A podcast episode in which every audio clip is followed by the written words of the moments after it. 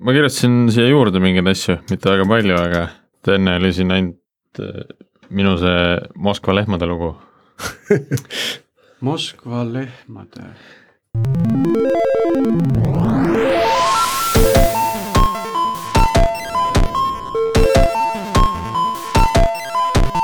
tere jälle, kuulad järjekordset Algorütmi podcasti. episood on siis number kaheksa ja täna on teine jaanuar. head uut aastat kõigile mina olen Tiit Paananen Veriffist ja koos minuga on stuudios Sergei Õnikin Pipedrive'ist ja Priit Liivak Nortalist. ja lükkame aasta siis käima ja kuigi aastanumbri kirjutamisega tuleb veel harjuda, arutleme teemadel, mida näeme aastal kakskümmend kakskümmend juhtumas eh, tarkvaraarenduses. ja noh, teemasid on loomulikult palju, aga oleme siia valinud mõned, eh, mida ennustatakse just oluliste trendidena. Sergei, et äh, mis siis juhtuma hakkab kakskümmend kakskümmend? noh, kui äh, lugeda äh, asju meie notes idest, siis ma vaatan, et siin on terve hulk teemasid, äh, mis käsitlevad, mis võiks ära kaduda järgmisel aastal. ehk millele me ei pea enam tähelepanu pöörama. okei okay,, ja Priit, millest sina räägid? No ma proovin siis äh, vastanduda, et leida neid asju, mis siis hoopis juurde tulevad. kuidagi peab need lüngad täitma, et ei saa niimoodi, et asjad kaovad ära ja lihtsalt niisama jääbki. ja loodus tühja kohta ei sälli. just nimelt.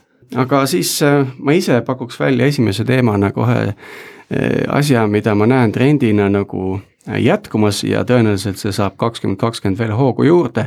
see nii-öelda pealkiri kõlab justkui selliselt, et, et, et me oleme liikunud nagu kontoritööriistadest iseteeninduseni ja kas me liigume edasi iseteenusteni.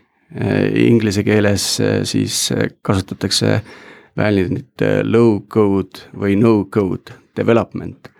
et mida see sisuliselt endast kujutab, on see, et kui meil tavaliselt äh, kontoritöötaja vanasti äh, oma tööd tegi läbi dokumentide loomise ja kommunikeerimise, kus ta siis kasutas erinevaid äh, kontoritöö automatiseerimist, tarkvara, siis sinna tulid juurde väga kiiresti terve hulk erinevaid SaaS-teenuseid, mis oli ka sellele inimesele vajalikud ehk siis tema töö kolis nagu rohkem nagu äh, pilveteenuste peale ja SaaS teenuste peale. ja paralleelselt on huvitav see, et tegelikult ärianalüütika kui selline on läinud üle nagu iseteenindusele, kus äh, töötajale on suhteliselt äh, lihtne endale ise analüüse koostada temale ettevalmistatud dataset idest. ja nüüd, mida ma, mis on mul tunne, on see, et kui me nüüd nagu ise, ise teenuseni jõuame siis eh, selle asemel, et eh, inimesed lõid dokumente või jagasid neid omavahel või kasutasid siis eh, erinevaid SaaS-teenuseid oma töö tegemiseks, siis tulevikus on neil võimalik luua neid teenuseid ise kuidas see arendajaid üldse peaks mõjutama, et miks, miks me räägime nii-öelda saates, mis enamasti räägib tehnoloogiatest, sellistest asjadest, mis otseselt nagu arendust ei puuduta? arendajad kaovad ära ju kui nüüd kõike saab ise teha. jah, head aega aga ma arvan, et äh, kuidas see arendajat puudutab, on see, et tegelikult äh, kui arendaja vaatab süsteemi, siis sinna süsteemi tekib integratsioone ja ja äh, liideseid juurde, mis ei ole otseselt tema kontrolli all. Tiit, kas sa tahad öelda, et kakskümmend kakskümmend tuleb if this then that äh, igasugustesse Äh, enterprise tarkvara sisse integratsioonina?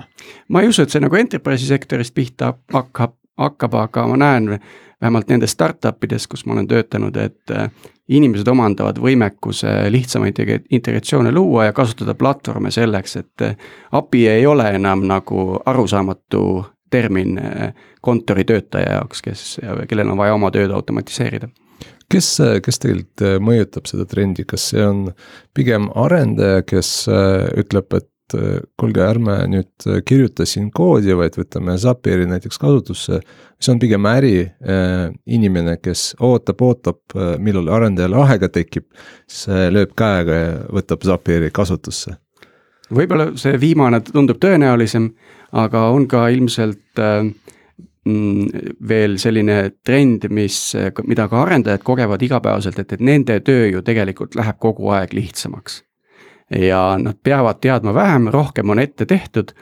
et äh, sama tegelikult äh, trend mõjutab ka äriinimesi, kelle töö läheb lihtsamaks, sest tööriistad on juba nii võimekad, et nad selliseid teenuseid võimaldavad luua. ma paneks siia kolmanda sellise variandi veel lauale, et, et sellistes situatsioonides, kus äri tegelikult väga täpselt ei teagi, mis nad tahavad, tahaks sellist MVP-d teha. Mulle tundub, et Zapier on nagu way parem valik, kui, kui hakata siis arendajat tüütama sellega, et kuule, kirjuta mulle teenus, mis äh, äh saabuvate äh, säutsude peale mulle ühe suure Google Sheet'i kokku paneb, eks ole. Ja ma arvan, et trend, mis, et see ei piir, ei piirdu tõenäoliselt sellise lihtsate lahendustega nagu Zapier, vaid äh, tundub, et äh, no ütleme, kui sa täna lähed Amazoni Stacki ja sul on mingi probleem, siis sa sisuliselt suudad selle serveri üles lasta, sinna vajaliku teenuse installeerida, seda külastada äh, ja kasutada puhtalt järgides dokumentatsiooni.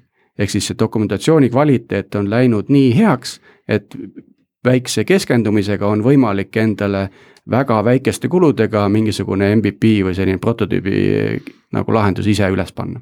aga suurt pilti vaadates mulle tundub, et, et äh, kui selliseid teenuseid hästi palju kasutada, et me siin oleme maininud if this, then that'i, äh, Zapieri, Microsoftil on Power Automate Äh, et kui neid nüüd olemasolevate rakenduste juurde väga palju pookida, siis juhtub see, et kogu see platvorm valgub nagu meeletult laiali, et äh, nendel teenustel endil võib küll väga hea dokumentatsioon olla, aga see tähendab, et ka kogu sellel lahendusel äh,, lahenduse arhitektuuril peab olema väga dok-, hea dokumentatsioon, et oleks aru saada äh,, mis klotse, kus kohas ja mismoodi on kasutatud kuidas neile ligi saab, kes see admin user on, kes neid hallata saab, eks ole. just, ja mis datat seal salvestatakse ja, kui sensitiivne see data on, eks ju. seal äh, huvit-, siis tekib küsimus, et kes, kes siis äh, omanik või kes vastutab kogu selle tervikahela töötamise eest. seal võivad tekkida ka siuksed naljakad äh, probleemid nagu Zapieril näiteks sinu paketis saab nii-öelda automation ite arv otsa lihtsalt ja siis eh, noh, kuu lõpuni sinu järgmised asjad lihtsalt ei protsessita ja. ja siis see vaene äriinimene, kes tegelikult ei näegi sinna Zapieri sisse, ei saagi aru, et, et mida, et kus kohas see protsess katki on. mäletad, meil Hansapangas olid sellised tegelased nagu rakendusadministraatorid mm kes tegelikult äh, nagu silusid seda tarkvara puudujääke pidevalt seal. et, et võib-olla siin tekib sarnane, sarnane roll, kus äh, igas äh, nagu äritiimis on keegi, kes justkui seda teenuste kihti haldab tema jaoks kui ma hommikul seda, seda teemat natuke mõtlesin, siis tekkis selline küsimus, et et mis siis juhtub, et kas tegelikult selliste teenuste kasutamisel riskid ettevõtte jaoks suurenevad või hoopis vähenevad? Et noh, mingis mõttes võiks öelda, et vähenevad, sest äh, sa kasutad äh, äh, väljast tulevat SaaS-i, millel on enda SLA äh,. sa maksad selle eest, et nad enda teenust püsti hoiaksid, neil on endal huvi ja motivatsioon seda püsti hoida. aga samas, kui see platvorm läheb nii laiali äh,, siis on neid äh, point of failure'e hoopis, hoopis rohkem, mis võivad ära kukkuda või mille mille plaan võib täis saada nii-öelda, et, et nad rohkem lihtsalt sinu jaoks tööd ei tee ma arvan, et siin on äh, lihtsalt teist, teist tüüpi riskid äh, realiseeruvad või, või tekivad, et kui enne oli risk äh, nii-öelda rongist maha jääda selle tõttu, et arendajad ei suuda piisavalt kiiresti lahendusi toota, siis noh, seda riski enam ei ole, et sa saad väga kiiresti tulemuseni jõuda. aga sul tekivad uued riskid, kus jah, tõesti sa sõltud nii palju Äh, väl-, väljas, äh, väljas olevate osapoolte nii-öelda toimimise poolt, siis äh, noh mm, -hmm. sa sead oma äri nagu nendest sõltuvusse. me eelmises saates rääkisime hästi palju automation'ist ka. mismoodi seda pulli üldse automatiseerida, selles mõttes, et nad automatiseerivad justkui kõike, aga see on ikkagi selline drag and drop development ju, et äh, tahaks nagu seda ka kuidagi reposse panna või aga tõenäoliselt nendel teenusepakkujatel, kes selliseid integratsioonikihte haldavad, tekib endal see nagu, see on osa nende väärtuspakkumisest. et sul tekib nagu tervikpilt oma säppidest ja nende äh, nagu toimimisest ja nende versioonidest ja nii edasi, et see. ma arvan, et see laheneb just nagu sealpool ära, sest see nagu justkui on nende huvides äh, sulle pakkuda järgmist subscription level'it, mis sisaldab sul versioneerimise näiteks. tundub, et, et nende tööriistade juurdetulekuga arendajatel jääb siis vähem tööd. või need On arendavad loota. teisi asju on loota, et vähem tööd järgmisel aastal arendajatel. võib-olla siis lähe-, vähem sellist äh, lihtsat tööd. no üldiselt arendajad, kes on äh, pidanud olema projektides, kus tulebki mingisugust platvormi konfigureerida ja võib-olla vahele kirjutada äh, mõni väike tükk äh, ma ei tea, Java add-on'i või, või mingit JavaScripti juppi, mis äh, mingeid andmeid transformeerib. et need arendajad üldiselt äh, väga rahul ei ole seal pikas plaanis. et nad võivad lühikeses plaanis seda teha, sest nad näevad suurt tulemust ja, ja need projektid on nii-öelda tulemuslikud, loovad väärtust kliendile aga pikalt, et nagu aastaid seal äh, lohistada mingeid juppe ringi, see on ikkagi natukene selline tühja tunnet tekitav vist. Aga läheme siis edasi siit, et äh, kui meil nüüd äh, low code või no code on, siis mis veel ära kaob, mis veel sisa- sisaldab sõna no? no relatsioonilised andmebaasid pidid juba ammu ära kaduma, aga miks? keegi ei tea. Eh, no tege-, tegelikult ma saan aru, et probleem relatsiooni, relatsiooniliste andmebaasidega oli see, et nad väga hästi ei skaleerunud äh, automaatselt, horisontaalses mõttes äh, äh, ja, ja NoSQL äh, lahendused äh, justkui aitasid selle probleemile lahendust äh, äh, leida. aga noh, nagu me teame, NoSQL-il on omad mured et alati on selline trade-off, eks ole. me, me kõik teame, et on kolm asja, ma ei mäleta, mis need kolm asja olid Neid kolmnurkasid on hirmus palju just. projekti juhtimise kolm, mille, jah, mille vahel sa trade-off'i teed. cost time scope. Jäi. noh, see on üks Äh, jah. äh, jah, ja mis siis NoSQL-iga ju, hakkab juhtuma? ma arvan, mitte midagi ei hakka juhtuma.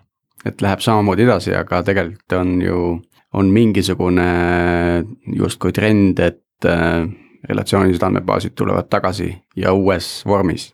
vot võib, võib-olla see hakkabki juhtuma, et äh, et see NoSQL-i tulek äkki andis selle vajaliku torke relatsioonilistele baasidele, et nad mingid asjad läbi mõtleksid äh, paremini.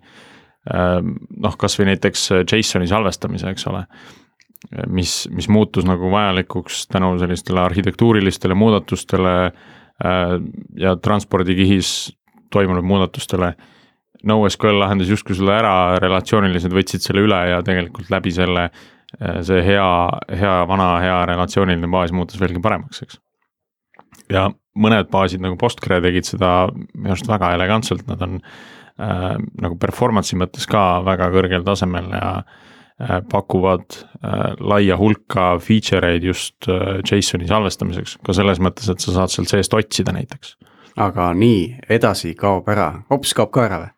meil oli ju siin paar äh, saadet, kus me rääkisime äh, äh, ja teistest äh, infra automatiseerimise tööriistadest nagu Terraform.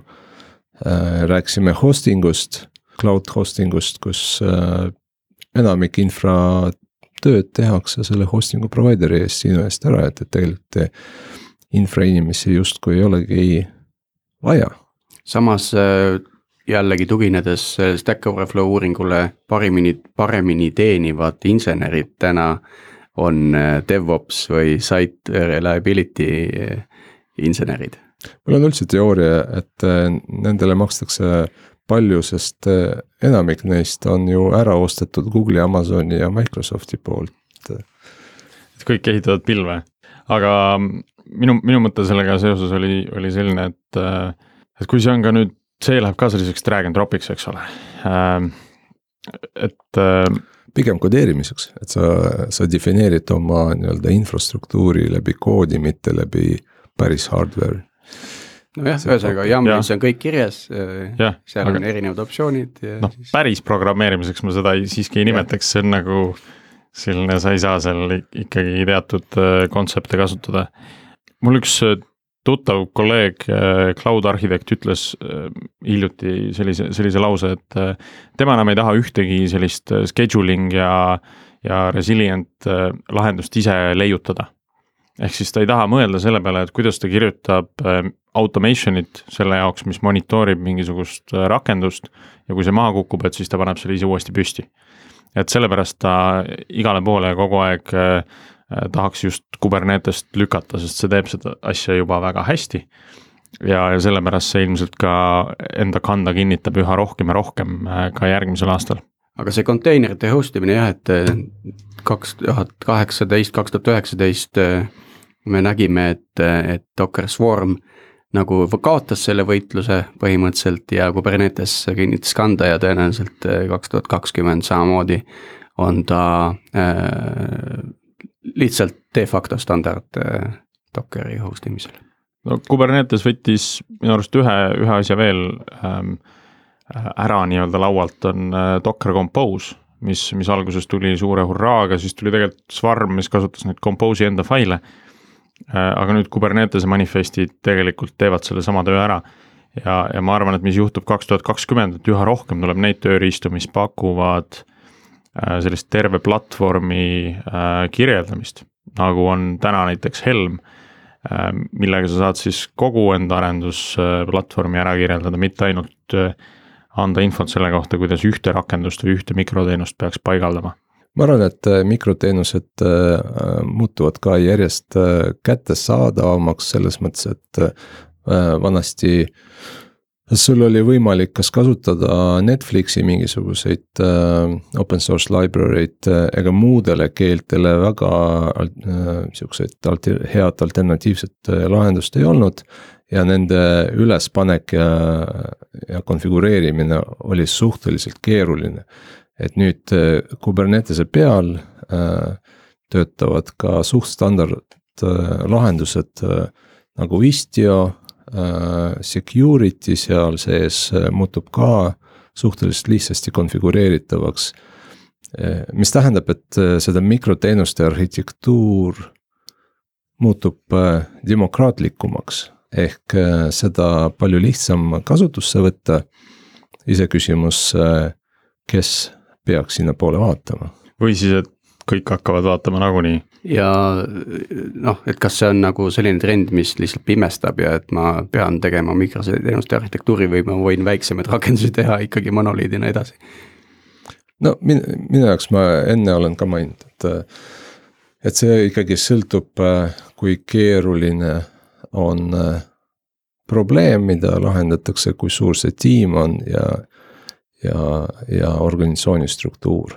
Mida suuremaks ja mida komplekssemaks probleem ja, organisatsioon muutuvad, seda tegelikult ainuke viis, kuidas lahendada seda komplekssust ongi läbi moduliseerimise mm -hmm. äh, organisatsioonis äh, selliste eraldiseisvate komponentide vastutuse jagamise Äh, ja see noh, sellises äh, keskkonnas äh, ettevõte ei pääse mikroteenuste mm. -hmm. selleks, et kui sul on üks toode ja sul on kakssada inimest ja sul on kakskümmend tiimi, kes seda ühte toodet arendab, siis selleks, et olla nii-öelda time to market'iga ikkagi nagu konkurentsivõimeline, siis sa pead ta lõh-, lõhkuma väiksed, väikesteks teenusteks, et tagada see arendus ja see kiirus. ja mikroteenuste asemel saab ju alati ka serverless'i peale kolida mis, mis sellest kaks tuhat kakskümmend saab?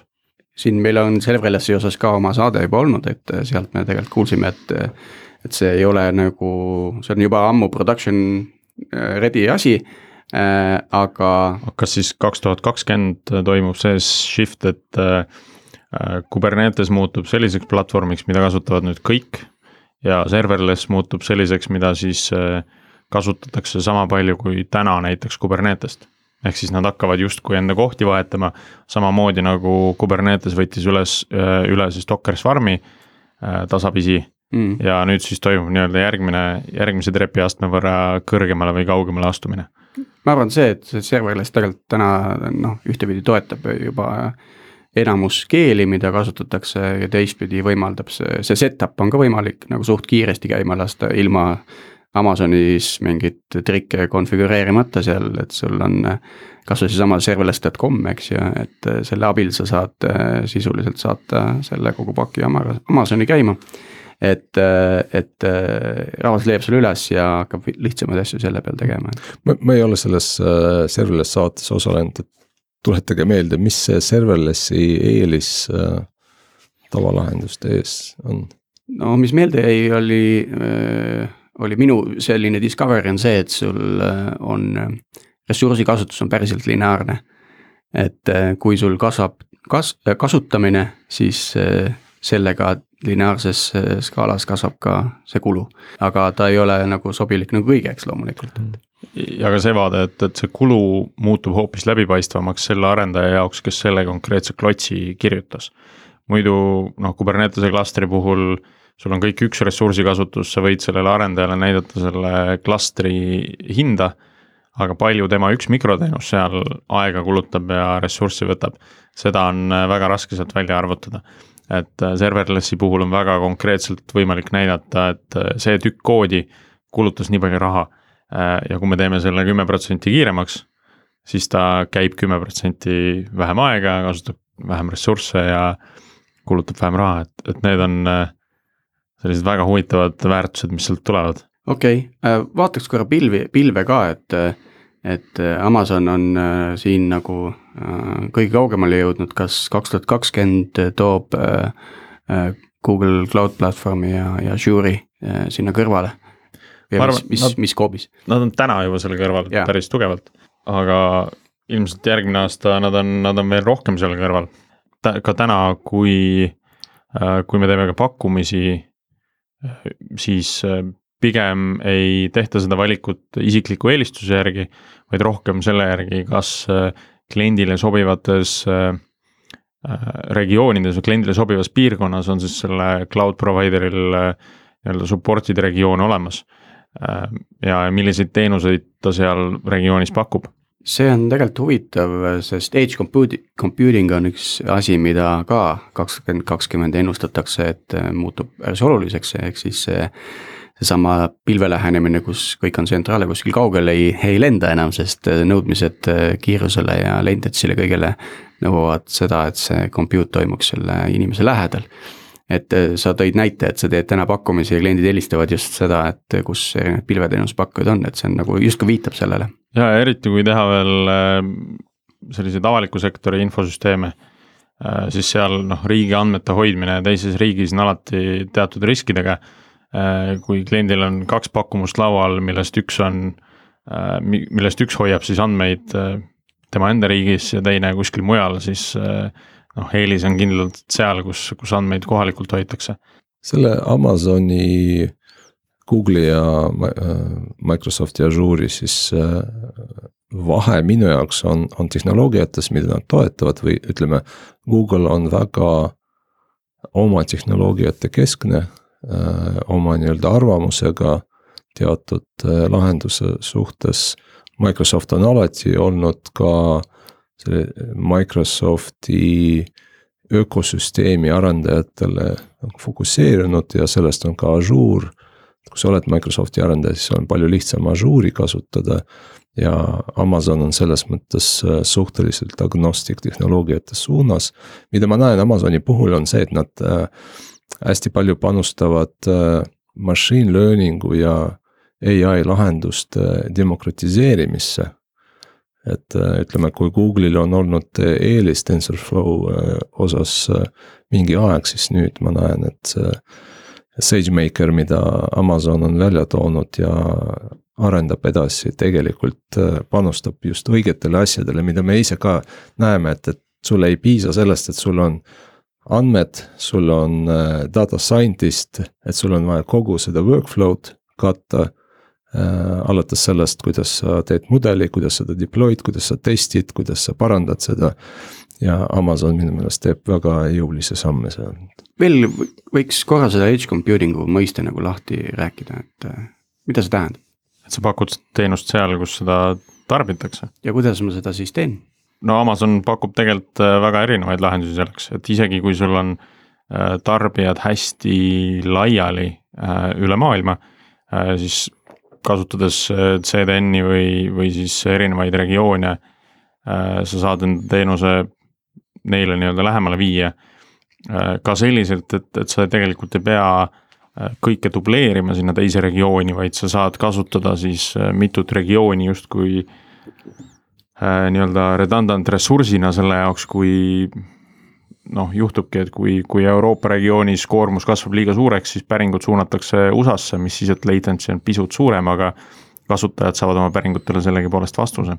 tegelikult need CDN-i provider'id nagu äh, Akamai näiteks, et neil selleks, et oma CDN-i teenust pakkuda, nad äh, on tegelikult deploy inud või installeerinud hästi palju servereid üle, üle maailma.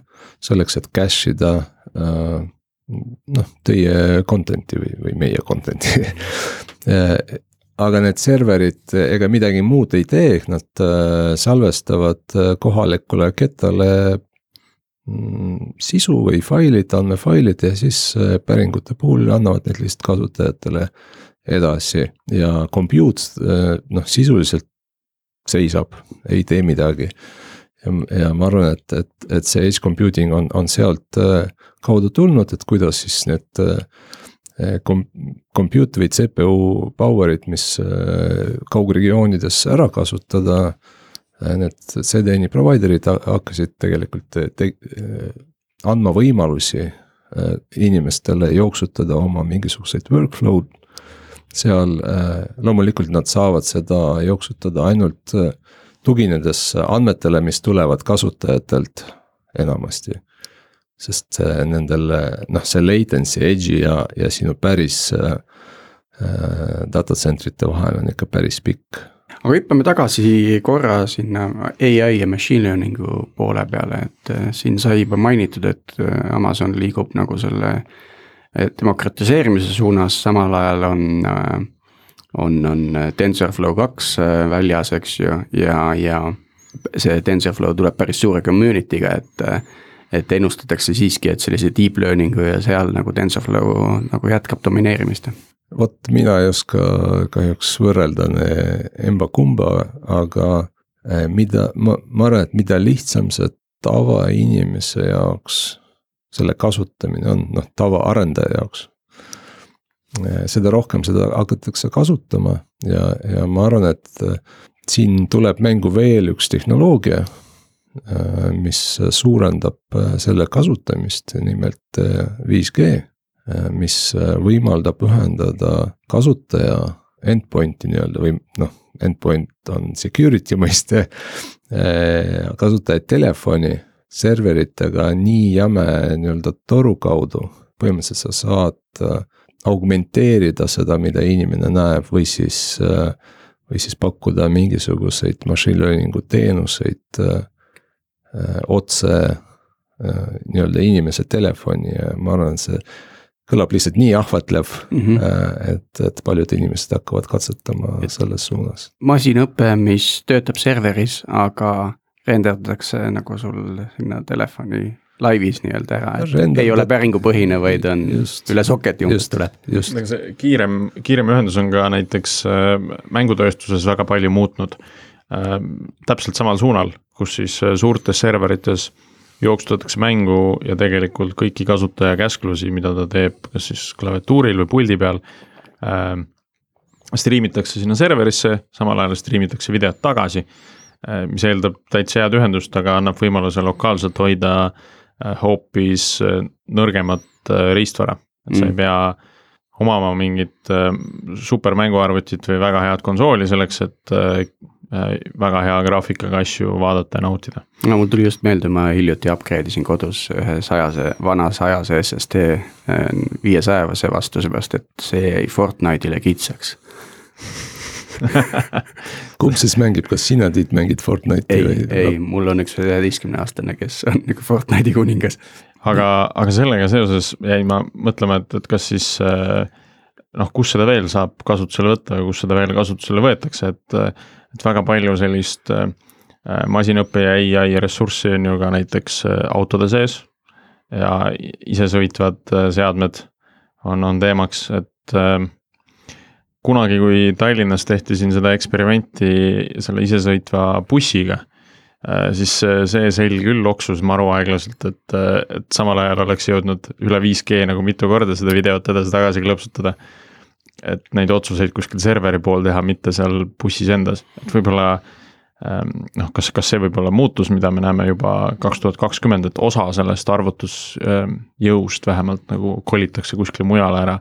Ja need äh, seadmed ise, mis hakkavad ise autonoomselt tegutsema, ei pea enam nii kallid selle tõttu olema kas see 5G, kas siin ei ole sedasama ohtu, mis on ka varasemalt olnud sageduste jagamisel, et et riigid nagu käkerdavad selle asja ära? me poliitikasse ei satu siin saates, ma arvan, et äh, mina ei oska poliitikast rääkida.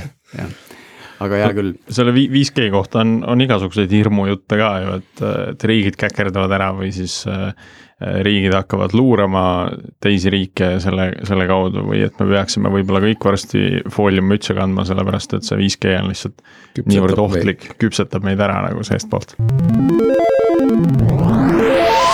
aga nüüd meil oli tegelikult siin juttu sellest just, et äh, asjad muutuvad pidevalt lihtsamaks ja ja üks, äh, on üks tarkvara või mm, arenduskeel, mis on nagu suhteliselt lihtne õppida või kust on hea alustada, et et see on ka kõige kiiremini kasvav täna uuesti, et kas sa tahad, et me nüüd ära arvaks, milline see on? mina pakun Pythonit. jah, ja, ja, ja miks siis Python oma võidu, võidukäiku teeb praegu jälle? jaa Python on lihtsalt väga hea keel. jah, ilmselt sellepärast, nagu ka JavaScript või tundub, et äh, Python on üsna skeptiline praegu ei, Python on, Python on väga huvitavat trendi teinud, sest äh, äh, kui mina oma esimesed koodiread kirjutasin, siis see oli, õnneks oli Javas, aga ma tean miks õnneks? no ma tean ka koole näiteks, kus kirjutatakse siis oma esimesi koodiridu ja noh, see tundub nagu päris selline valus elamus, et see feedback tsükkel on sul ikkagi nagu mõnevõrra pikem. ja sa võid teha igasuguseid äh, apsakaid äh,, mida siis näit-, näiteks Java aitab vältida. Python teeb selle minu vaatest nagu veel lihtsamaks, et, et see kindlasti see õpikõver on äh, minu hinnangul üks asi, mis selle äh, trendi nii-öelda toetab ja see on ka tegelikult see masinõppe peamiselt kasutatav ja toodangusse pandav. ja just, et, et kui masinõpe nüüd on, on samamoodi kasvav trend ja, ja Pythonis on väga palju äh, tuge sellele juba olemas, siis äh,, siis see nii-öelda masinõppetrend toetab Pythonit ennast ka mm. -hmm mi-, minu jaoks jääb see ikkagi müstikaks, et äh, miks, miks just Python äh, sattus nii-öelda seda masinõppe valdkonna keeleks. no mis oleks alternatiivid? JavaScript. JavaScript, C, ma ei tea, noh, selles mõttes, et keeli on ju palju, et mm., et, et miks just Python, et. Äh, see on võib-olla ku-, ku-, kuulajatele küsimus, et kes teab, siis olge hea, kirjutage meile. jah, see on päris hea, aga aga järgmine aasta, kas siis nagu nüüd Python võtab üle Java ja C-Sharpi ja kõik muud asjad? no ma arvan, et ta jälle, ta ikkagi, kuna ta on de facto jällegi keel masin, masinõppe jaoks, eh, siis ta lihtsalt eh, liigub koos selle populaarsusega, et, et siin pole midagi teha mm. -hmm. ja siis on veel üks, üks huvitav keel, mis on kõige enam huvipakkuv, et Star äh,, Stack Overflow arendajate meelest või ütleme, Stack Flow, Overflow arendajate küsimustikule tuginedes. sa mõtled Rusti? jaa, mis see Rust? täpselt, mis on Rust? Priit, kas tead? Ja mina olen saanud nii palju targemaks, et Rust on äh, siis äh, Mozilla äh, Research poolt kokku pandud keel või, või algselt selle jaoks disainitud keel. aga hiljem siis on, on see populaarsust kogunud ka hoopis mujal et juba aastast kaks tuhat kümme, mis tegelikult ei ole üldse väga vana, kui, kui võtta keelt, keele kohta. Millal Kotlin tuli? umbes sama palju, sama vana, ma arvan. Neid keeli tuleb ja läheb, ma kunagi, ütleme aastat kuus-seitse tagasi olin vaimustuses sellest mõttest, et, et arendajad saavad ise oma keeli programmeerida ja siis äh, kasutades neid keeli äh, lahendada mingeid äh, lahendusi, ehk need oled, oleksid domain specific keeled, ütleme, kui sul on vaja näiteks kindlustuse valemeid kirjutada, siis sa ei kirjuta neid siis, vaid sa kirjutadki kasutades kindlustuse aktuaare mõisteid. loomulikult need mõisted, mõisted on võimalik transleerida Äh, mingi muu masinkeele. aga noh, kui sul on vaja domeen äh, probleemi lahendada, siis mm -hmm. sa kasutad selle domeeni keelt. millegipärast see ei läinud äh, väga populaarseks. testimises minu arust see juba on nagu, nagu selline, ütleme seal otsitakse sellele, selle kaudu lahendust. et lahendused nagu Cucumber näiteks, sa saad defineerida justkui enda DSL-i testimise jaoks. ma lihtsalt mäletan, et äh, kunagi äh, sellesama IDEA asutajal on olnud äh, selline proto, protoversioon sellest keskkonnast, kus sa said defineerida suvalisi domeenkeele. Sa said neid kompileerida nii-öelda alam, alamkeelde, eks sul on, võib-olla on mingisugune keel, mis katab matemaatika domeeni ja siis äh, hiljem sa selle pealt defineerid ka aktuaaride jaoks keeli. ja, ja siis äh, läbi mitme transformatsiooni sa jõuad lõpuks äh, Java või, või C äh, nii-öelda koodini ja siis sa kompileerid seda ja käivitad.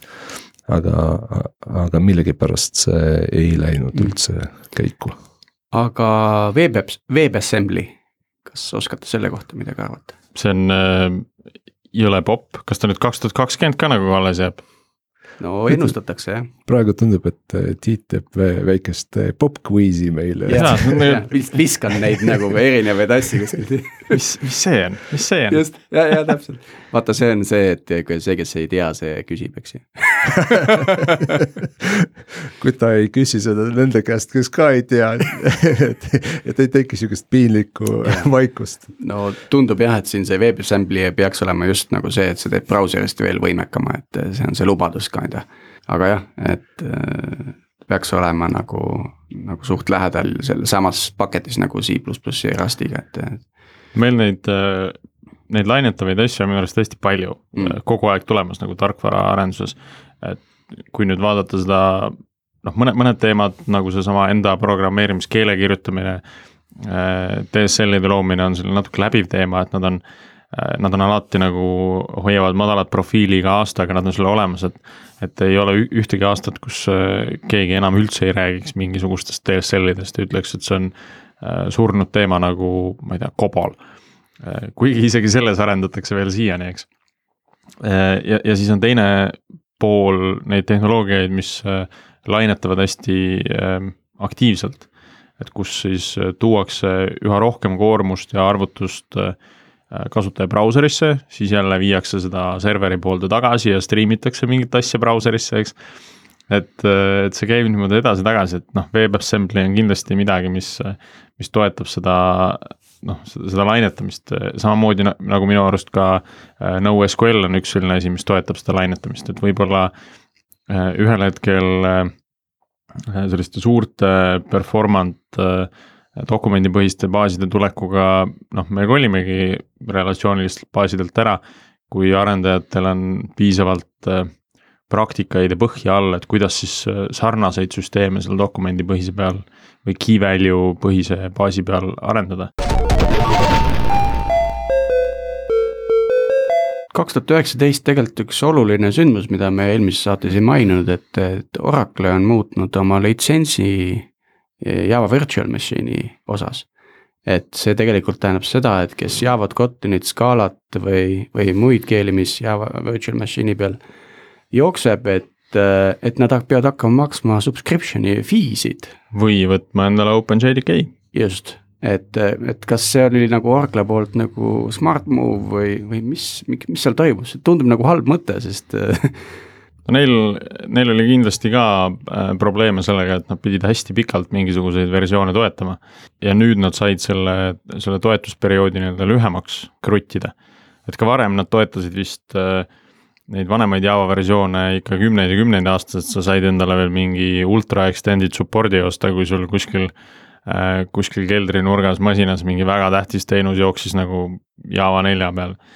aga nüüd nad saavad seda veel, veel lühemaks kruvida, sest nad ise ei, ei ole üldse huvitatud sellest, et, et mingit vana versiooni toetada, et tahaks, tahaks ikka pakkuda arendajatele seda võimalust, et nad saavad uut äh, keele nii-öelda uusi feature eid arendada ja juurde kirjutada, eks. Noh, siin ei tasu unustada, et Oracle on börsifirma. Keegi Oracle'i andmebaasi nii väga litsenseerida või osta äh, ei taha. see pigem kahaneb jah. ja neil on vaja raha genereerida juurde ja, ja siis leidsid nüüd sellise võimaluse, ma arvan, et see kokkuvõttes ikkagi vähendab äh, Java kui keele populaarsust. Sest äh, nii palju takistusi hakkab tekkima firmadel seal, kus neid ei olnud ja, ja pikas perspektiivis ma arvan, et see, see mõjutab kindlasti äh, negatiivselt. no teisalt ma arvan, et community mõttes ta mõjub äh, ka positiivselt, et äh, need, kes kasutavad ja, ja on nii-öelda truuks jäänud sellele keelevalikule.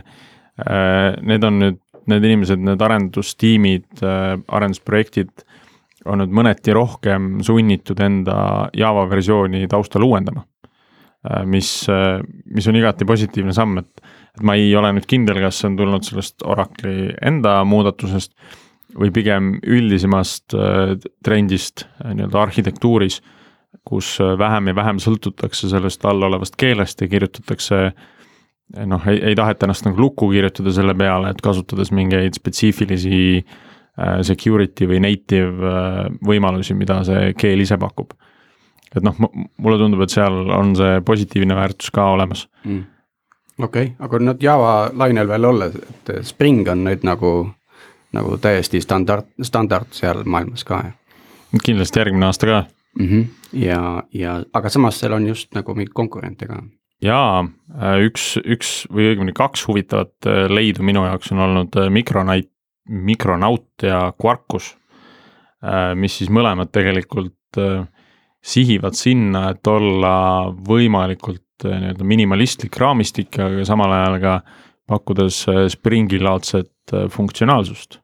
ja minimalistlik just noh, nii mälukasutuse, sisemiste koodiridade, startup time'i, kõige muu mõttes olla nagu parem ja kiirem ja ilusam kui Spring, eks ja natukene, ma arvan, seda motiveerib ka see serverless'i liikumine. et väga tore oleks ju natukene äh, nii-öelda terviklikumat lahendust mingisuguse raamistikuga sinna serverless'i peale panna, kui see stardiks äh, tõesti alla sekundi, eks.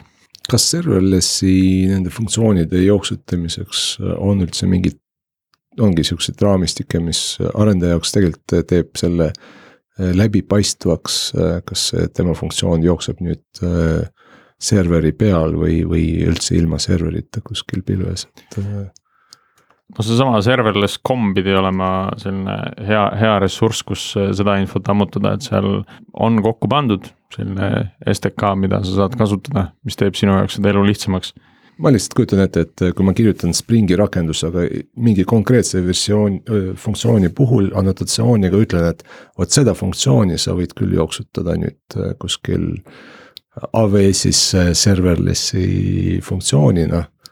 et kas on sellist asja ka olemas? päris sellist äh, Springi laadset asja. see ei ole hea idee. ma arvan, et see ei ole hea idee, sest äh, okei okay,, isegi need, kui sa teed selle tõesti, tõesti hästi väikese ähm, rakenduse ja võtad sealt minim-, minimaalselt sõltuvusi Springist sisse, siis selle startup aeg, noh, äkki saab sinna null koma kahe sekundi peale kakssada millisekundit on päris suur. aga ma mõtlengi, et kui mul ei ole tegelikult vasteaeg nii väga äh, oluline. jah, siis miks mitte äkki. Batch, batch asjad. Batch asjade puhul tõenäoliselt kasutatav, pluss see, et äh, kõik need serverless'i platvormid ju hoiavad enda konteinerid nii-öelda soojas ka, et. et nad tegelikult ei tee seda külmstarti nagu äh, nii tihti mm. -hmm. kuidas äh meil arendusmetoodikate trendidega on, et. tegelikult võtaks veel ühe teema siia vahele ja, ja see, see teema võiks olla Graal VM. Äh, mis on nagu, ma arvan, et saab kakskümmend kakskümmend äh, üheks väga populaarseks äh, nii-öelda platvormiks siis, kui nii võib öelda. ja, ja üks põhjus, miks, miks mulle Graal VM hästi meeldib, on noh, muidugi performance ka, et kõik need testid, mis on tehtud äh, kraali peale, äh, kui kraal panna Dockerisse ja seal peal jooksutada sama koodi, äh, siis ta jookseb ikkagi kordi ja kordi kiiremini kui äh, OpenJDK peal näiteks sedasama asja jooksutades. ja, ja teine pool tegelikult, miks huvitav on, on, on see, et et kraali peal saab tegelikult jooksutada erinevaid keeli, et sa võid kraali peal jooksutada nii Pythonit kui Javat, et sa võid võtta endale sama sama, sama VM-i ja, ja panna sinna peale siis nii-öelda erinevad, erinevates keeltes kirjutatud komponendid. et sul see platvorm ja see põhi on väga sarnane, kuni selleni välja, et sa võid ka ühe VM-i sees jooksutada siis kahes keeles kirjutatud koodi. et nii-öelda ristkasutada Pythonit ja Javat. et ka need, need võimalused loob GraalVM, mis on, mis on natukene põnev, see on selline sedasorti põnev, et et võiks ju oma raamistikku kirjutada või oma keele kirjutada, eks. et ma ei tea, kas see on nagu alati hea mõte, aga, aga noh, põnev on mõtiskleda selle peale vähemalt noh, tavaliselt siuksed asjad ei, ei tule tasuta sulle, et, et kindlasti seal on omajagu probleeme, kui sa hakkad äh, päris, päris lahendusi looma, et. ja kindlasti ja no ma arvan, et GraalVM on kuidagi üks selline noh, ta on Oracle'i projekt on, eks, äh, ja, ja nad on, äh, et, et see on nagu nende nii-öelda katse enda platvormi või enda seda, seda põhja nagu paremaks teha. Ja ennast rohkem saada ka näiteks serverless'i maailma sisse. Et kui nad ongi kõige kiirem VM, mis äh, stardib, äh, kõige vähem ressurssi nõudev, noh siis see on, muutub ilmselgeks valikuks serverless'i maailmas. See on nende, nende noh, minu vaatest on see väga hea investeering nende poolt. okei okay,, ehk siis tagasi selle esialgse küsimuse arendusmetoodikatega, et et me oleme kõik erinevaid lahendusi siin nagu ajapikku proovinud, Waterfallist Agile'ini seal Scrumid, Kanbanid ja nii edasi. aga, aga tundub, et üks trend nagu murrab sisse, et mis on nagu behavior driven development. Mis tegelikult üritab siis äh, teha sellest tiimist, mis lahendust välja töötab, päriselt sellise cross-functional tiimi. ja liidestab justkui ütleme, product owner, disaineri, testija, arendaja omavahel paremini ära. läbi nagu formaliseerides nendevahelist suhtlust ja, ja siis kasutades teatud nagu formaati see sellest, et kuidas ideest nagu sünnib ülesanne või task. mis teie arvamus on, mis puudutab just arendusmetoodikate järgmisi iteratsioone?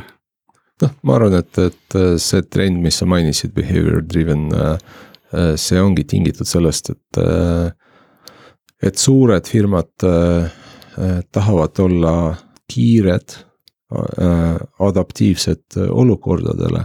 nagu mainisin enne, ainuke viis seda teha ongi tekitada sellised äh, väiksemad moodulid ettevõtte sees, mis oskavad otsuseid vastu võtta lähtuvalt nende olukorrast ja siis formeeruda või siis ümber formeeruda jooksvalt, ehk see ettevõte Äh, kui vanasti ettevõtte juhtimine käis läbi äh, hierarhia.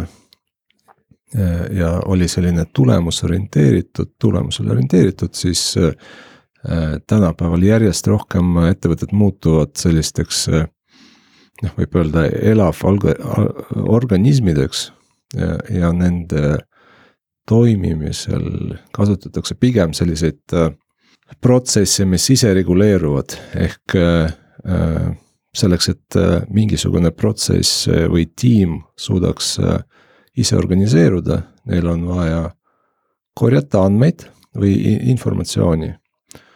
Leppida kokku, et mis, millised on normid selles informatsioonis, noh, kui me räägime mingis, mingisugustest tehnilistest lahendustest, siis monitooringu kaudu sa saad vastas, vasteaegu äh, Äh, vigade arvu ja nii edasi. ja siis sa lepid kokku, et, et sellel teenusel vasteaeg on näiteks sada millisekundit ja kui läheb üle selle, siis ta on normist välja. Äh, või sellel teenusel on, ma ei tea, viis viga tunnis on äh, okei okay, ja kui on sada viga tunnis, siis järelikult midagi on katki. ja siis sul on vaja foorumit, kus inimesed saavad arutada neid numbreid või, või infot, on ju. ja, ja siis otsustada, mida teha edasi.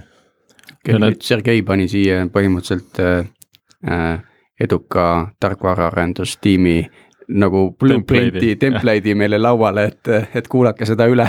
et see on päris, päris hea input tõesti. aga mina arvan, et mis nende tiimidega veel juhtub järgmine aasta, et nad muutuvad äh, veel rohkem äh, iseseisvaks.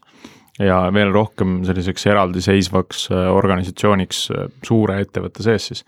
Serverlessi kulude jälgimist me jälg-, juba mainisime, et, et see, et et me saame tiimile mitte ainult äh, külge panna siis need meetrikad, et äh, mis on vasteajad sellel teenusel, mida nad arendavad, aga ka mis on sellesama teenuse kulu terve ettevõtte vaates, et siis juba tekib mingisugune alus nagu juba väärtusarvutusteks või paremateks mhm. optimeerimisteks, et äh, et pinpoint ida seda, seda kohta, kuhu nii-öelda investeeringuid peaks tegema siis optimeerimise mõttes.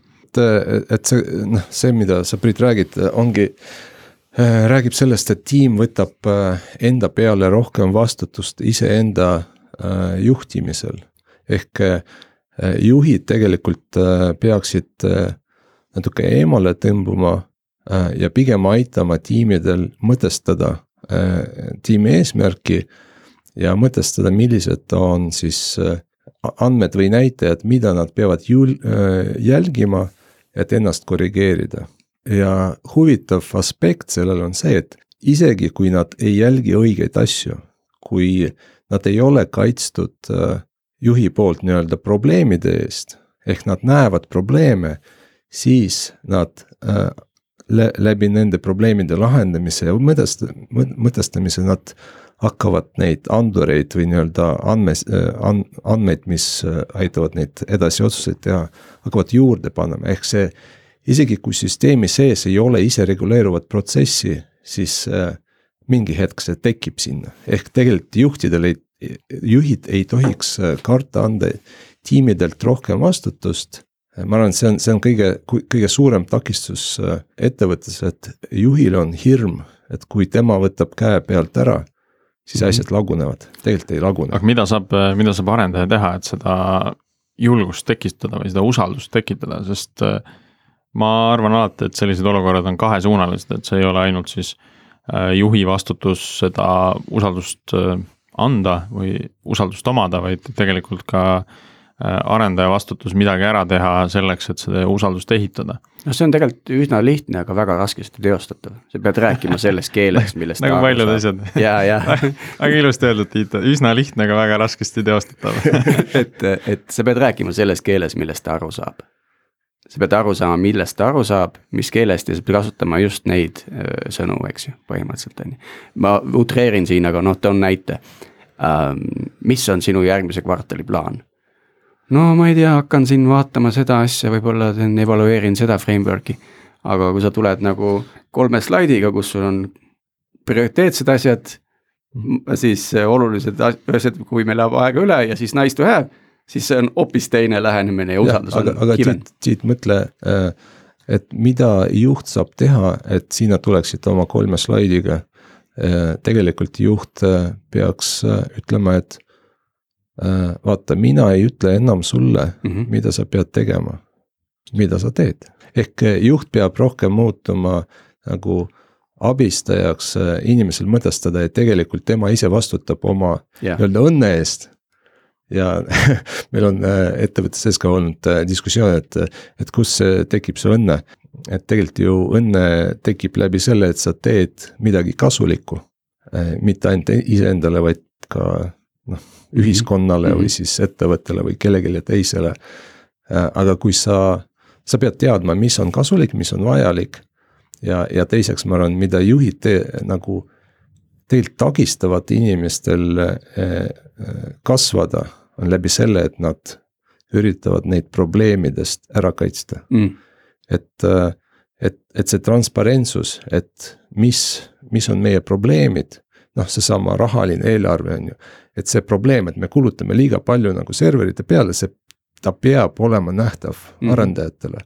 muidu ta ei saa, ei hakka kunagi sellega tegelema, kui ta ei näe seda mm. probleemi see on hea, et me nüüd siit arendusmetoodikate trendidest läksime täiesti teise äärmusesse ja. aga me võime sinna, me võime sinna tagasi minna, et yeah. äh, seesama teema, et tiimid muutuvad üha autonoomsemaks ja, ja iseseisvamaks ähm,. siin juba ähm,, ma arvan, eelmine aasta ja, või, või siis isegi varem äh,, ma sattusin ühe artikli peale, kus äh,, kus kirjeldati seda, kuidas üks suur äh, consulting ettevõte ma jätan siin nimed nimetamata, see tegelikult ei ole isegi tähtis, on, on jõudnud sellise lahenduseni, kus, kus nemad äh, pakuvad arendajate jaoks sellist äh, development infrastructure automation äh, suite'i. ehk siis äh, sarnaselt selle Spring Starter kit'ile äh, sa lähed kuskile saidi peale, paned linnukesed, et ma tahan äh, GitLabi, ma tahan äh, Artifactory't, SonarCube'i, okei okay,, Jenkinsit ma ei taha, ma teen GitLabiga seda asja ja, ja siis ta genereerib sulle mingisuguse noh, näiteks tänapäeval võib öelda, et Kubernetese manifesti või Helmi, Helmi chart'i selle kohta mingi template'i peale. ja sa paned kõik selle pulli endale ise püsti. et, et see arendustiim äkki võiks äh, äh seda ka ise teha, et äh, noh, tooteettevõttes see fookus on veidi teine, et selline, kui on tsentraalne GitLab äh, või tsent-, sellised tsentraalsed teenused äh, omavad äh, oma väärtust, sest kõik tiimid tegelikult töötavad ühe toote ümber aga sellises custom software house'is on see fookus natuke teine, sest äh, on projekte, kus äh, kohati see kood on kliendi oma. võib-olla ühel hetkel, olgu see siis viie, seitsme või kümne aasta pärast, tuleb mingi komplekt asju kliendile üle anda. et jube hea on, kui see kõik pull on ise püsti pandud, siis ütled, et näed, võta need keskkonnad siin Amazonis endale ja sul ongi kõik olemas okei okay., aga kui me nüüd võtame, ütleme, agile tarkvaraarendusmetoodikat siin noh, ütleme näiteks Scrumi, eks ju. Äh, siis me ju kõik teame, et neid hübriide ja erinevaid adaptation eid sellest on nagu noh, palju, et mm. Kanbanid, Scrumbanid ja nii edasi, eks ju. et, et mida ma olen näinud, et inimesed lähevad ja teevad ära mõned asjad ja siis jätavad noh, ei lähe seda nagu teostama nii-öelda regiaal, regi-, regioonilise fanatismiga. ehk siis teeme puhta asja, eks ju, et me teeme kõike täpselt nii, nagu äh, äh, meil see raamat kirjutab, raamat kirjutab, eks ju. aga samas jah, ma, ma olen nõus, et on mõistlik rakendada nagu common sense'i ja mis sellele tiimile sobib. aga sellega kaasnevalt äh, nagu lihvitakse nagu kõik nurgad maha ja tegelikult sellest distsipliinist, mis alguses meil pidi olema ja sellest äh, formaadist ja, ja sellest ootustest üksteisele ja kuidas me suhtleme, mis tuule ja kõike me kasutame, sellest ei jää nagu midagi järgi ja siis on niisugune nagu keskmiste keskmine tiim nagu. selle kohta ma, mulle meeldis äh, üks väljend, et on äh, inimesi, kelle jaoks on, kõik on mustvalge ja siis on inimesi, inimesi, kes äh, eristavad neid äh, erinevate hallide varjusid. aga need, kelle jaoks on mustvalge, on tegelikult kahte tüüpi. Äh, need on need algusfaasis al-, mustvalge, kes tegelikult ei tea asjadest midagi ja nende jaoks ongi asi mustvalge. siis inimesed hakkavad juurde õppima asju ja saavad aru, ahaa, siin on veel need, nende musta ja valge vahel on nii palju neid halli värve. Äh, ja siis on need, kes on kõik need halli värvid ära õppinud või aru saanud, mis, mida need tegelikult tähendavad ja siis selleks, et oma otsuseid äh, või äh, alluvate otsus, otsuseid nagu lihtsamaks teha aru saades, mis need hallid värvid on, teevad mustvalgelt või äh, noh, sätistavad enda jaoks põhimõtted, mis on nii-öelda mustvalged põhimõtted. ja siis, kui inimene äh, on mustvalge ja ütleb, seda ma teen, seda ma ei tee, seda ma teen, seda ma ei tea. siis on väga raske aru saada, kumb ta on, kas ta on see, kes mm -hmm. veel ei saa aru või ta juba kõik on enda jaoks lahti mõtestanud, et, et, et see, et siinkohas on hästi oluline äh, aru saada põhimõtetest ehk läbi, käia läbi nendest äh, hallidest varju äh,, varjudest. enne kui sa hakkad mustvalgelt nagu otsustama, mida sa teed, mida sa ei tee, ehk tuleb läbi proovida kõik, mida raamat on soovitanud ja aru saada, kas see töötab sinu kontekstis ja sinu tiimi jaoks. ja, ja siis äh, otsustada, kas sa teed seda või ei tee. ma arvan, järgmine aasta veel rohkem tegelikult tiimid kalduvad kõrvale nendest äh, puhastest praktikatest ja, ja hakkavad mix ima neid asju erinevalt kokku. üks mure, mis, mis mul sellega on, on, on pigem, äh, on, on siis selline, et, et tegelikult seal on äh, teatud peeneid nüansse, mis on kuidagi nendes puhastes praktikates välja kujunenud või paika pandud mingitel väga sellistel detailsetel põhjustel mida ise läbi tehes on väga raske tuvastada. aga paraku neid ei ole kunagi kas siis dokumenteeritud või noh, võib-olla ongi raske kirja panna, et miks siis need nüansid sinna paika pandud on. Need on, olid pandud teatud kontekstis, et, et sellepärast mulle meeldivad näiteks disain pattern'id või pattern'ite keel rohkem kui mingisugused metodoloogiad, sest pattern'i keeles sa kirjeldad ära konteksti, kus sa rakendad selle lahenduse.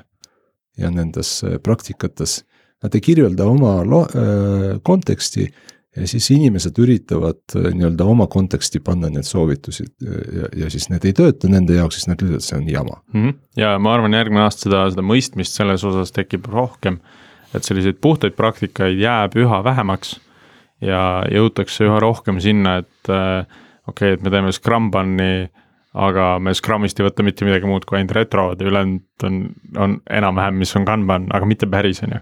küll ma soovitan, ma olen leidnud äh, ka äh, Scrumi ja Agile äh, pattern'ite kogumikku, kus tegelikult on pattern'ite keeles on kirjeldatud, milliseid praktikaid tuleb rakendada, milles, millises olukorras ja ma arvan, et see lugemine on oluliselt kasulikum kui lihtsalt nagu Scrumi mingi metodoloogia lugemine mm..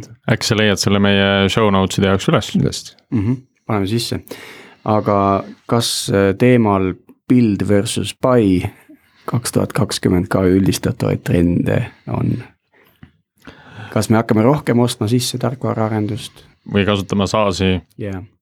või ehitame ise yeah.? mina tegelikult äh, kirjutasin eile õhtul sellest ühe, ühe lõigu meie järgmise blogposti jaoks äh,. hästi väike sihuke conclusion vaade oli ja, ja mõte oli just seal selline, et äh, kui me oleme teinud neid tech-radareid erinevates riikides äh, konverentsidel, siis Eestis ilmselgelt räägiti sellest hoopis rohkem, et mingisuguseid COTS äh, või off-the-shelf äh, tooteid kasutada. ja seda ma olen hästi palju näinud ka Soomes isegi veel rohkem kui Eestis. Ja, ja Soomes peamiselt võib-olla tuleb see sellisest tööstuslikust taustast, et seal võetakse nii-öelda mingi seade sisse ja kasutatakse ära neid võimalusi, mida see pakub. aga kui me käisime Leedus Buildstuffil, siis äh, seal oli seda, seda näha kõige vähem, et hästi palju oli sellist äh, builder mindset'i või ehitaja mindset'i, et tahaks nagu noh, me teeme, me teeme selle valmis, et see ei ole probleem. meil on äh, hästi palju nimetati tööriistu, millega asju ehitada, aga vähem selliseid äh, platvorme ja põhjasid, mida saaks nii-öelda juba valmis toodetena ära kasutada. mul on teooria äh, selle kohta, et miks see Leedus nii on ja miks Soomes on äh, no, et äh, mida rohkem legacy't sul on, seda vähem sa tahad ise ehitada.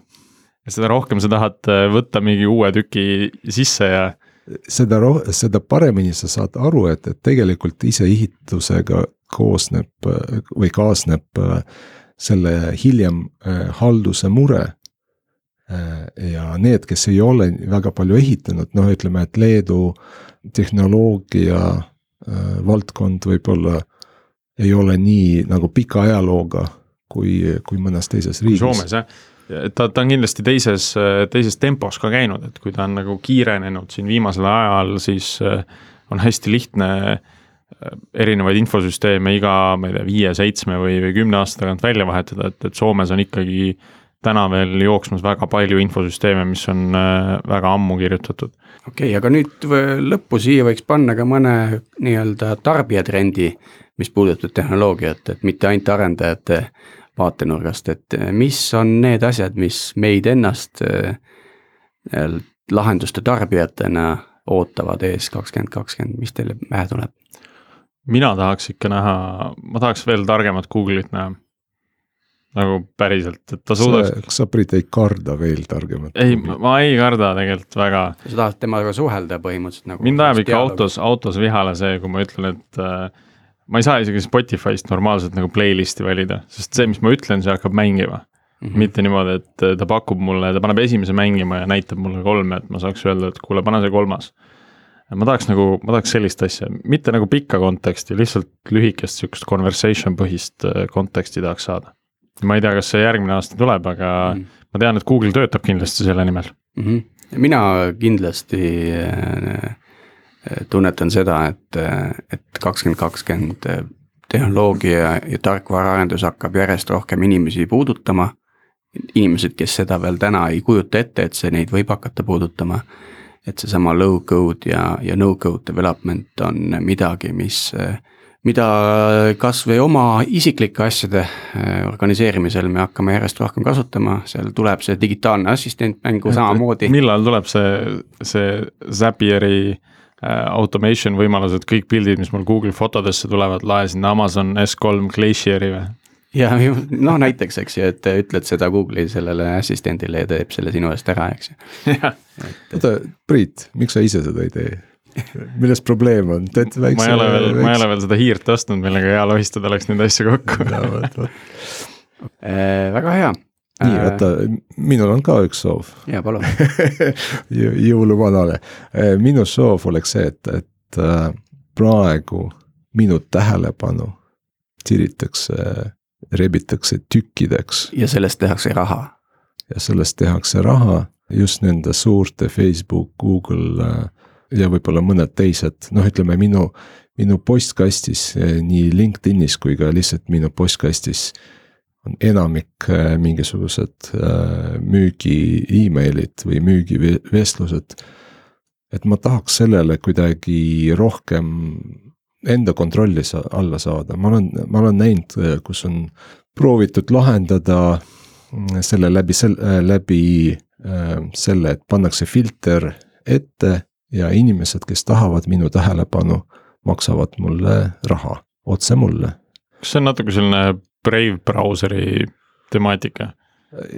Kus, no ka seal ju tegelikult sa ise ütled, et sa oled valmis reklaame vaatama ja siis need inimesed, kes tahavad sulle reklaame näidata, maksavad sulle raha. aga ma tahaks nagu filtreerida, et, et ma ise otsustan äh, või, või ma panen hinda oma ajale, kui ma, ma ütlen näiteks, et ühe emaili lage, läbilugemine maksab viis dollarit. maksad mulle viis dollarit, ma loen su meili. kui tahad minuga kõnet pool tundi teha, siis maksad mulle sada dollarit ja. kõik need arvan, kõik need sales pitch'id läheks nagu palju põnevamaks kohe.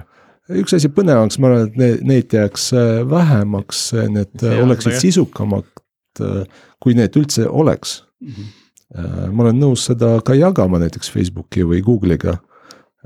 aga see mõnes mõttes nagu määraks ka minu väärtust ühiskonnas et äh, kas, kas see ei ole natuke nagu sarnane liikumine sellega, mida me siin just hetk tagasi arutasime, kuidas nagu tiimid saavad üha rohkem vastutust ja kontrolli asjade üle enda kätte, et et ka siin siis indiviid saab rohkem kontrolli ja, ja saab, saab ka väärtust sellest siis enda, enda tegemisest nagu nii-öelda otsesemat väärtust. nii et see, kes suudab tagada sulle, et sinu andmed on sinu omad ja sinuga su suhtlemise liides on sinu kontrolli all see ja ta on valmis seal tegema revenue share'i, siis see on see, mida sa tahad.